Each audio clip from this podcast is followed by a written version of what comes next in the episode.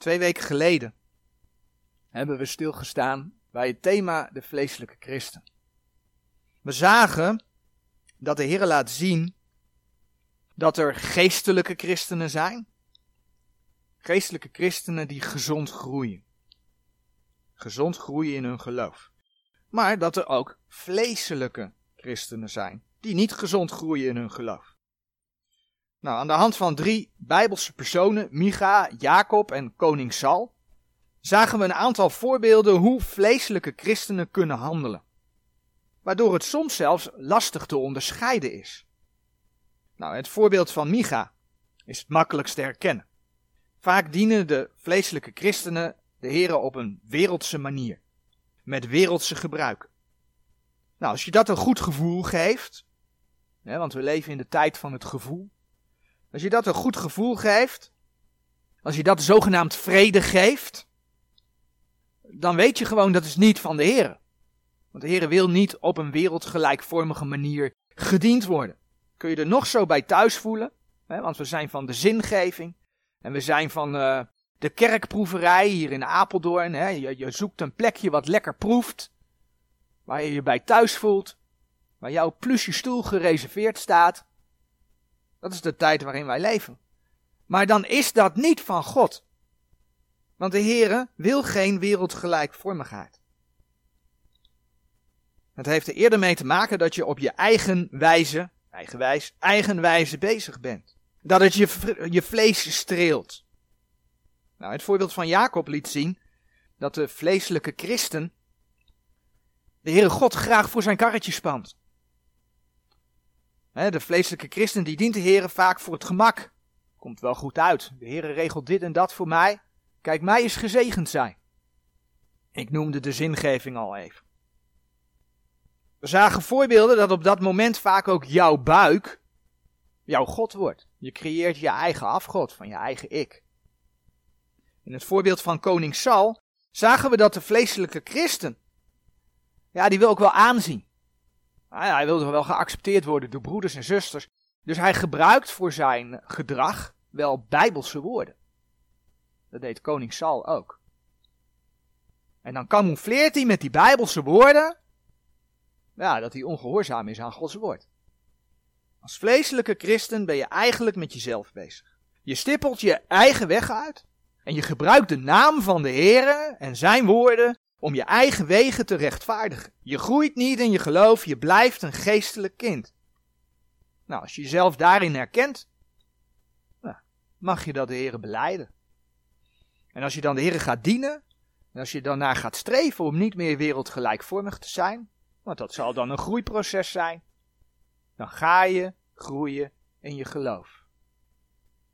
Nou, we hebben met name stilgestaan bij kenmerken van een vleeselijk christen. Maar dan kun je de vraag stellen: wat is nu het effect van het zijn van een vleeselijk christen? Wat is het effect als je de strijd tegen je vlees niet aangaat? Als je het niet gaat beleiden, maar het juist wel goed vindt, omdat het ja, misschien wel lekker voelt. Nou, daarvoor gaan we nog eenmaal naar de geschiedenis van koning Saul. Die weliswaar de Amalekieten versloeg, maar daarin zijn eigen gang ging. En zijn ongehoorzaamheid camoufleerde met mooie bijbelse woorden. Ik heb toch gedaan wat de Heere zei? Nee, dat had hij niet. We vinden in die geschiedenis een detail die geestelijk gezien een mooie les is voor ons in deze gemeentetijd. Laten we lezen uit 1 Samuel 15, vanaf vers 19 tot en met vers 23. 1 Samuel 15, vanaf vers 19 tot en met 23. Waarom toch hebt gij naar de stem des Heren niet gehoord, maar zijt tot de roof gevlogen en hebt gedaan wat kwaad was in de ogen des Heren. Dat zijn de woorden van Samuel aan Saul.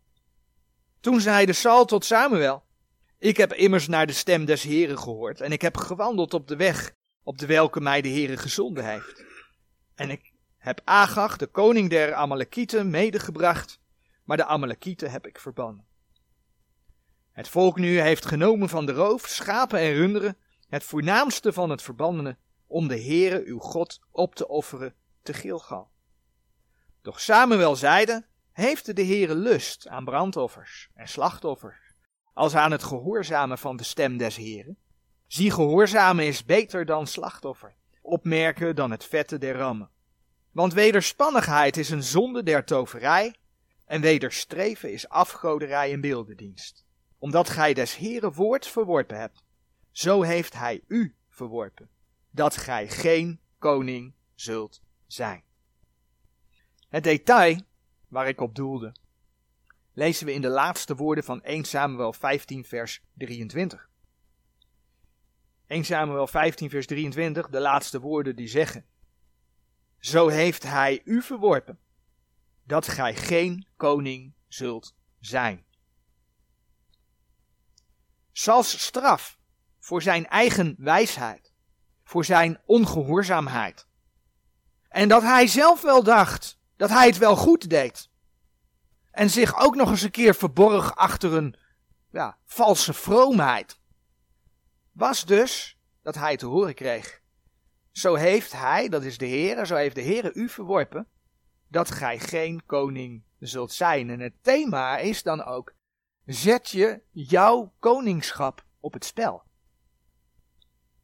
Want dit is exact, wat Saul hier gebeurt, is exact wat je als kind van God te wachten staat op het moment dat je als christen niet wilt groeien. Als je als christen bewust in je vlees blijft hangen. In je vlees blijft leven. We zagen het vanmorgen in het eerste uur. Dat als je Jezus Christus als je persoonlijke verlosser hebt aangenomen, dan ga je niet verloren. Laat die basis, laat dat duidelijk zijn. We gaan nog een keer dat vers in, in hou de hand bij 1 Samuel, maar alhoewel is het niet heel erg nodig om daar nu de hand bij te houden. 1 Korinthe 3 vers 15 gaan we nogmaals lezen. Daar staat geschreven, zo iemands werk zal verbrand worden, hè, dat gaat dus over de rechterstoel van Christus, zo iemands werk zal verbrand worden, die zal schade lijden, maar zelf zal hij behouden worden, doch al zo als door vuur. Nou, dit vers is duidelijk. Maar er zijn veel meer teksten die je over de geloofszekerheid kunt aanhalen hoor. Je kunt kijken naar Efeze 1, vers 13 en 14. Je kunt kijken naar Efeze 4, vers 30. Als je de Jezus Christus hebt aangenomen, ben je verzegeld tot de dag der verlossing. Verzegeld. Dat zegt de Heer, Efeze 4, vers 30. Maar 1 Korinthe 3, vers 15 laat dus wel zien dat je wel schade kunt lijden. En dat schade lijden heeft dus te maken met het feit dat je als wederom geborene, ja, je zult koning worden.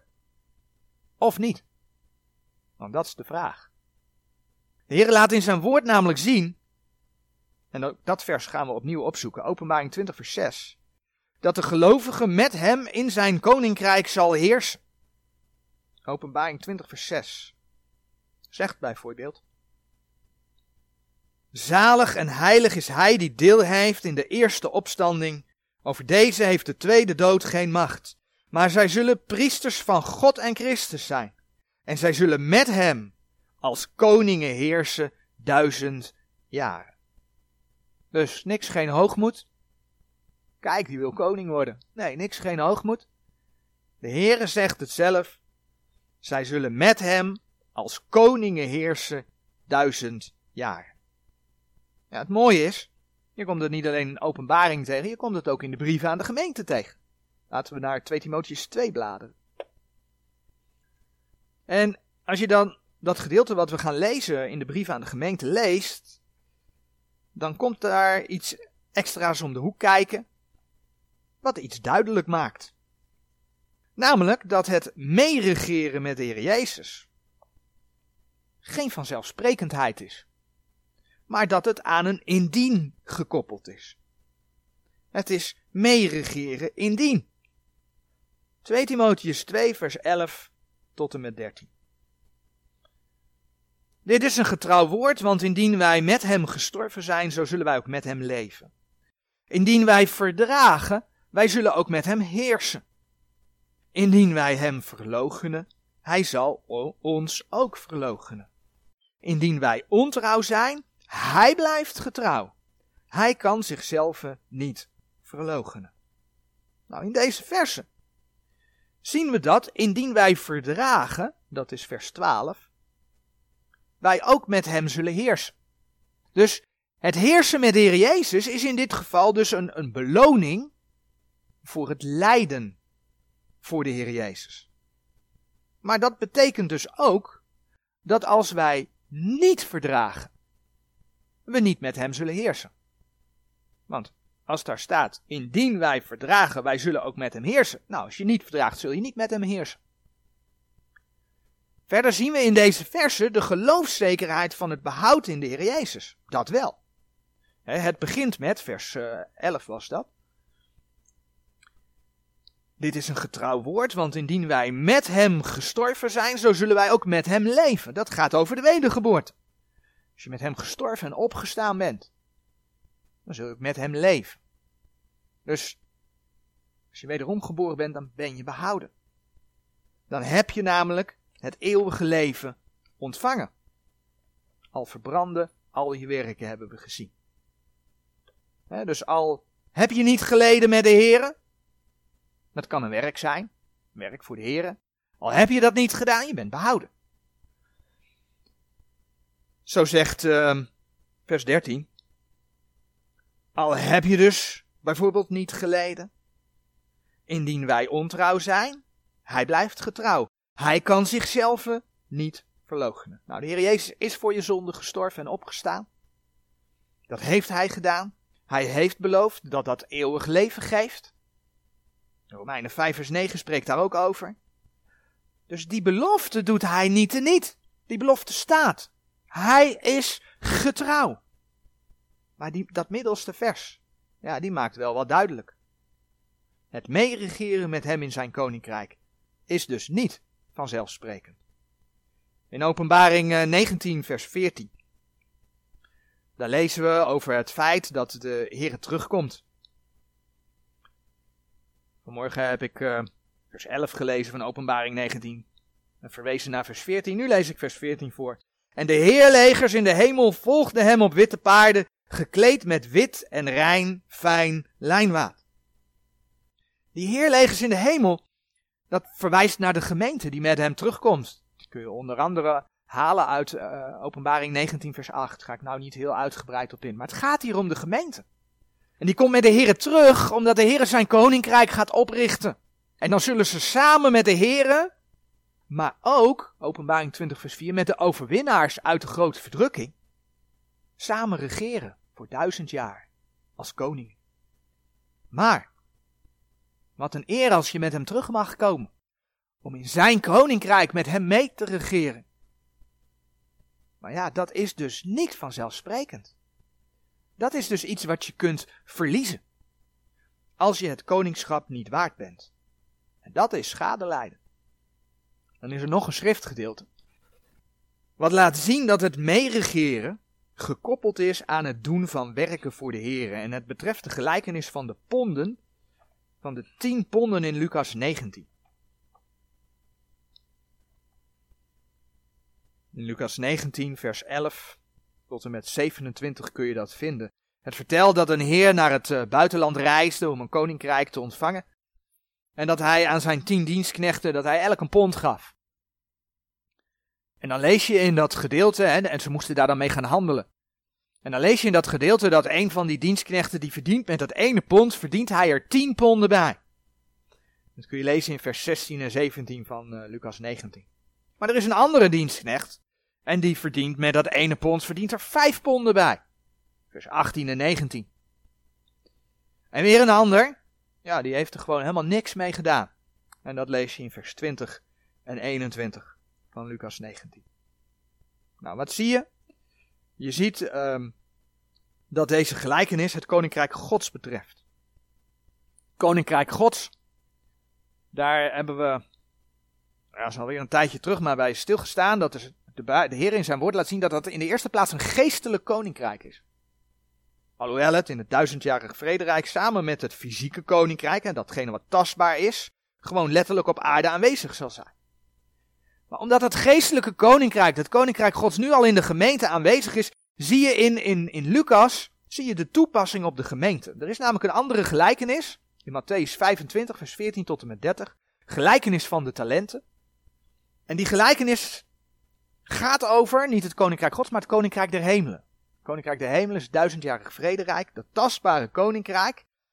En dan moet je ook meteen denken, Matthäus, Joodse context.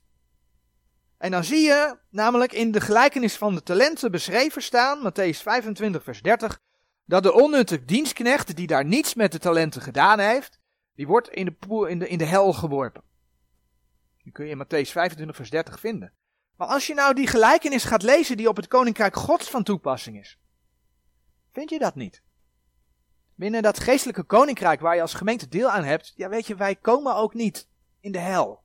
We komen niet in de poel des dat heeft de Heer voor ons weggedragen. Vind je dus ook niet terug in de gelijkenis die, ja, over het koninkrijk gods gaat. In de gelijkenis van de ponden. Die dienstknecht, die niets met zijn pond gedaan heeft, die werd niet in de hel geworpen, maar hij leed wel schade. In Lucas 19, vers 24, daar lees je het volgende. En dat gaat dus over degene die niets met zijn pond gedaan had. En hij zeide tot degene die bij hem stonden, neemt dat pond van hem weg en geeft het dien die de tien ponden heeft. Deze dienstknecht leed schade. Deze dienstknecht, en dat zullen we zo gaan zien, die werd bijvoorbeeld niet over steden gesteld. Hij moest zijn pond inleveren en hij werd niet over steden gesteld. Terwijl anderen wel over steden gesteld worden. Want wat gebeurde er met de dienstknechten die wel met het pond van hun heer gehandeld hadden? Nou, Lucas 19, vers 17 bijvoorbeeld. Het gaat over degene die tien ponden gewonnen had. En hij zeide tot hem, wel gij goede dienstknecht, terwijl gij in het minste getrouw zijt geweest. Zo heb macht over tien steden. Hij kreeg macht over tien steden, staat daar. Nou, hetzelfde gebeurde bij degene die vijf ponden gewonnen had. Die werd over vijf steden gesteld, staat er in vers 19. Dus zien we in de eerste plaats hoe hier trouwe dienstknechten beloond worden. En zien we hoe dat beloond worden gekoppeld is aan werken voor de heren, iets doen voor de heren. Dus het is inderdaad een beloning. En die beloning heeft volgens deze gelijkenis te maken met macht over steden. Nou, dat heeft dus te maken met meeregeren in een koninkrijk. Macht hebben over steden, meeregeren in een koninkrijk. Maar als je niets met het werken voor de Heer gedaan hebt, dan blijkt dat je schade leidt. Ja, je bent zelf behouden, maar je wordt niet over steden gesteld. Je mag niet meeregeren in het koninkrijk. Dat is wat deze gelijkenis duidelijk maakt. Nou, een koning die regeert, die draagt een kroon. In ieder geval in het verleden was dat, maar als ook huidige vorsten ja, ingezegend worden, dan dragen ze hun kroon. Nou, de Bijbel laat dus zien dat er voor trouwe dienst vijf kronen zijn. In het kader van Sal, ik zal de tekst even voorlezen, je komt die kronen tegen in 1 Korinthe 9 vers 24 tot en met 27, 1 Thessalonicense 2 vers 19 en 20, 2 Timotheus 4 vers 8, Openbaring 2 vers 10 en 1 Petrus 5 vers 4. In het kader van koning Saul komen we zo direct terug op de kroon die je kunt ontvangen voor het bedwingen van je lichaam. Maar dat is dus niet de enige kroon. Er zijn meerdere kronen. Er zijn er vijf. Een van de kronen is bijvoorbeeld of je de Here bent blijven verwachten. In 2 Timotheus 4 vers 8, zoeken we even als voorbeeld op. 2 Timotheus 4 vers 8. Voorts is mij weggelegd de kroon der rechtvaardigheid, welke mij de Heere de rechtvaardige rechter in dien dag geven zal. En niet alleen mij, maar ook allen die zijn verschijning lief gehad hebben. 2 Timotheus 4 vers 8. Dus het is niet alleen voor Paulus, maar het is voor iedereen die zijn verschijning lief hebben gehad. Als je, als je de Heere verwacht, gaat hij dat belonen. Nou, kijk in deze tijd om je heen. Wie verwacht de Heere nog? Zelfs in christelijke kringen. Gelukkig zijn er hier mensen die de Heer verwachten. Maar ik denk, als je om je heen kijkt, als je naar andere kerken kijkt, dan zie je dat het verwachten van de Heer, dat is niet aan de orde van de dag. Zelfs in deze tijd niet, waar zoveel gebeurt. Dat is, uh, dat is niet aan de orde. Maar de Heer zegt dus, daar verbindt hij een kroon aan. Dat is een voorbeeld. Maar we gaan dus naar een andere kroon kijken. Wat we gezien hebben tot nu toe, is dat het koningschap samen met de Heer, hij is natuurlijk de koning, hè, we zullen meeregeren. Maar dat het koningschap samen met de Heer, dat het overstedig gesteld worden, dat het meeregeren indien, dat kronen die verdiend kunnen worden, maar die je dus ook, ja, als je ze niet verdient, eh, kunt verliezen. Dat het allemaal met elkaar te maken heeft. Het is niet maar zo een, een los dingetje hier en een los dingetje daar. Het heeft allemaal verband met elkaar, omdat de Heer je iets laat zien door zijn woord. En daarmee wordt de geestelijke toepassing van de geschiedenis van koning Saul, die met zijn ik, die met zijn vlees bezig was, en daarvoor Gods woorden als een soort van dekmantel gebruikte, daarmee wordt die geestelijke toepassing voor het kind van God duidelijk. Het effect van het niet luisteren naar Gods woorden, van het niet luisteren naar raad op basis van Gods woorden, om toch maar met je eigen vlees bezig te zijn. En dat vervolgens met andere mooie Bijbelwoorden dan te camoufleren. Nou, het effect daarvan is dus dat je in de eeuwigheid schade zult lijden. Dat er over jou gezegd kan worden. Want er zijn natuurlijk meerdere kronen, dat besef ik. Maar dat er van jou gezegd kan worden. Zo heeft hij u verworpen. Dat gij geen koning zult zijn. De woorden die koning Sal te horen krijgt kan ook een christen te horen krijgen. In 1 Korinthe 9, vers 24 eh, tot en met 27, lezen we hoe je een kroon kunt verdienen door je lichaam te bedwingen. Ja, dat is dus regelrecht aan de gemeente geschreven. Een brief aan de gemeente. Laten we die versen lezen. Weet gij lieden niet dat die in de loopbaan lopen, alle wel lopen, maar dat één de prijs ontvangt, loopt al zo dat gij dien moogt verkrijgen. Het is niet zo dat maar één persoon die kroon gaat krijgen, maar loopt wel al zo dat gij dien moogt verkrijgen. En een iegelijk die om prijs strijdt, onthoudt zich in alles. Deze dan doen wel dit, opdat zij een verderfelijke kroon zouden ontvangen, maar wij een onverderfelijke. Ik loop dan al zo, niet als op het onzekere. Ik kamp al zo, niet als de luchtslaande.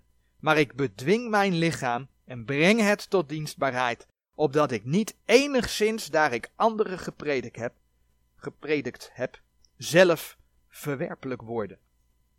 In de sport zie je dat atleten er alles voor over hebben om hun doel te bereiken. Ze onthouden zich van allerlei dingen om te kunnen presteren. En ze doen dat dan voor een beloning die vergaat. De Bijbel spreekt over een verderfelijke kroon. Maar als kind van God mag je strijden voor een onverderfelijke kroon. Een kroon die niet vergaat. En daartoe, lezen we in deze verse, bedwong Paulus zijn lichaam. Dus hier zie je, ja, letterlijk staan dat het bedwingen van je lichaam, het bedwingen van je vlees, dat dat je een kroon levert. Dus laat je je vlees in je leven zijn gang gaan. Of koester je je vlees? Vind je je ik eigenlijk wel belangrijk? Dan zet je dus in elk geval een van die kronen die je kunt verdienen op het spel. Dan zet je dus in feite, net als koning Saul, je koningschap op het spel. We hebben in de preek de vleeselijke christen al gezien dat de Heer niet wil dat we wereldgelijkvormig zijn. De wereld is juist bezig met het vlees. Men wil het hier op aarde zo comfortabel mogelijk hebben. Want ja, men heeft geen zicht op een eeuwige heerlijkheid. Dat kent men niet. We leven toch één keer en hier. Ja, tenzij we in reïncarnatie geloven, maar mensen, mensen willen het graag eh, goed, goed voor elkaar hebben. Ja, en dan, dan, dan ga je leven vanuit het vlees in zonde tegenover de Heere God. In, in Romeinen 8, vers 8 staat dat ook. Romeinen 8, vers 8. En die in het vlees zijn, kunnen goden niet behagen. Ja, en als christen kun je daar gewoon in meegaan hoor. Daar kun je gewoon in meegaan, want de oproep om niet wereldgelijkvormig te worden, die wordt niet aan de wereld gedaan, die wordt aan kinderen van God gedaan. Romeinen 12, vers 1 en 2. Dat hebben we de vorige keer gezien. En die oproep is er dus niet voor niets. Trots en hoogmoed horen daar ook bij. je wil misschien als vleeselijke christen wel in God geloven, maar je wil wel graag zelf de eer van alles krijgen. Denk aan koning Saul. Je hebt God vooral nodig dat hij je zegent. Voor jouw voordeel. Je wil graag door mensen gezien worden. Koning Saul die ook doorhad dat hij, door, eh, dat hij gezondigd had. Maar tegenover mensen graag de schijn hoog hield. In 1 eh, Samuel 15 vers 30, dat vers hebben we de vorige keer gelezen, maar ik lees het nog een keer voor. Even om uh, te zien waar we het over hebben. 1 Samuel 15 vers 30. Daar spreekt Saul uit tegen Samuel. Eer mij toch nu voor de oudste mijns volks en voor Israël. Saul wilde geëerd worden. Het ging om hemzelf. Het ging om zijn eigen eer en niet om Gods eer. Nou, als je dan kijkt wat de Heere God daarvan vindt, bijvoorbeeld in 1 Petrus 5 vers 5. mooie toepassing op, op de gemeente ook. Op het gemeenteleven. Desgelijks gij jongen, zijt de oude onderdanig en zijt allen elkander onderdanig. Zijt met de ootmoedigheid bekleed. Ootmoedigheid is, is nederigheid. Want God wederstaat de hoogvaardige, de hoogmoedige. Maar de nederige geeft hij genade. Dus de Heere God zegt dat hij de hoogvaardige, dat hij de hoogmoedige wederstaat. Terwijl hij de nederige genade geeft. Nou, dat is nogal wat. In Spreuken 16, vers 18 lezen we het volgende over uh, hoogmoed. Spreuken 16, vers 18. Hoogvaardigheid is voor de verbreking en hoogmoed des geestes voor de val. Is iemand hoogmoedig? Bekeert hij zich daar niet van? Dan kun je er dus bijna zeker van zijn dat hij gaat vallen. Lees het nog een keer. Vers 18 van Spreuken 16. Hoogvaardigheid is voor de verbreking en hoogheid des geestes voor de val. Vorige week in de preek Ik dank mijn God zagen we al dat ondankbaarheid en God niet willen verheerlijken eigenlijk aan de basis stonden van een hele lijst met zonden. Romeinen 1 vers 21 was dat. Nou, hetzelfde zien we bij Sodom en Gomorra. Als we aan Sodom en Gomorra denken, we kennen de geschiedenis van Lot, dan denken we vooral aan seksuele zonde. Maar weet je dat de Heer in zijn woord laat zien dat het daar bij Sodom en Gomorra helemaal niet mee begon? Laten we Ezekiel 16 opzoeken. Ezekiel 16, vers 49. Ezekiel 16, vers 49. Zie, dit was de ongerechtigheid uw zuster Sodom. Hoogmoed, Zatheid van brood en stille gerustheid had zij en haar dochters, maar zij sterkte de hand des armen en nooddruftigen niet. Hoogmoed, zatheid van brood en stille gerustheid had zij. Nou, laat dat even op je inwerken. Dan zie je daar staan dat ze dus genoeg te eten hadden. Ze leefden in overvloed. En daardoor waren ze klaarblijkelijk hoogmoedig. Want daar, daar begon het. Daardoor hadden ze de Heere God niet nodig. Maar zie je dan ook de parallellen met de huidige tijd? Mensen zijn over het algemeen rijk, hebben genoeg te eten. Ze hebben God niet nodig. Ik moet het anders zeggen. Ze denken God niet nodig te hebben. En dus, je ziet waar het bij Sodom geëindigd is. En dus komen ze tot extreme zonde. Maar dan zeg je, ja maar weet je, dit gaat toch over de wereld? Dit gaat over ongelovigen. En deze preek is toch bedoeld voor de gemeente van de Heer Jezus. Voor mensen die de Heer kennen, voor wederom geboren gelovigen. Ja, dat klopt. Maar ook als gelovige kun je vallen. De Heer heeft de geschiedenis van het volk Israël, en dan bladeren we naar 1 Korinthe 10. De Heer heeft de geschiedenis van het volk Israël gegeven als voorbeeld, als waarschuwing, opdat we geen lust tot het kwaad, geen lust tot de zonde zouden hebben. 1 Korinthe 10, vers 6, 1 Korinthe 10, vers 11. En in datzelfde schriftgedeelte, daar zegt de Heer in 1 Korinthe 10, vers 12, zo dan die meent te staan, zie toe dat hij niet vallen. Dat wordt tegen kinderen van God gezegd. En nee, dat betekent niet dat je als kind van God alsnog verloren kunt gaan. Daar hebben we het uitgebreid over gehad, hebben we het bewijs wel van gezien. Maar je kunt dus wel vallen. En die waarschuwing geeft de Heer niet voor niets. Dus denk niet van, oh maar dat overkomt mij niet. Want eigenlijk op het moment dat je dat denkt, ben je al uit jezelf bezig. Want jij denkt dat het jou niet overkomt, terwijl de Heer je er tegen waarschuwt. Dan ben je dus eigenlijk al met hoogmoed bezig. De vraag bij dat alles is, hoe ga je om met Gods woord? Hoe ga je om met raad uit het woord van God?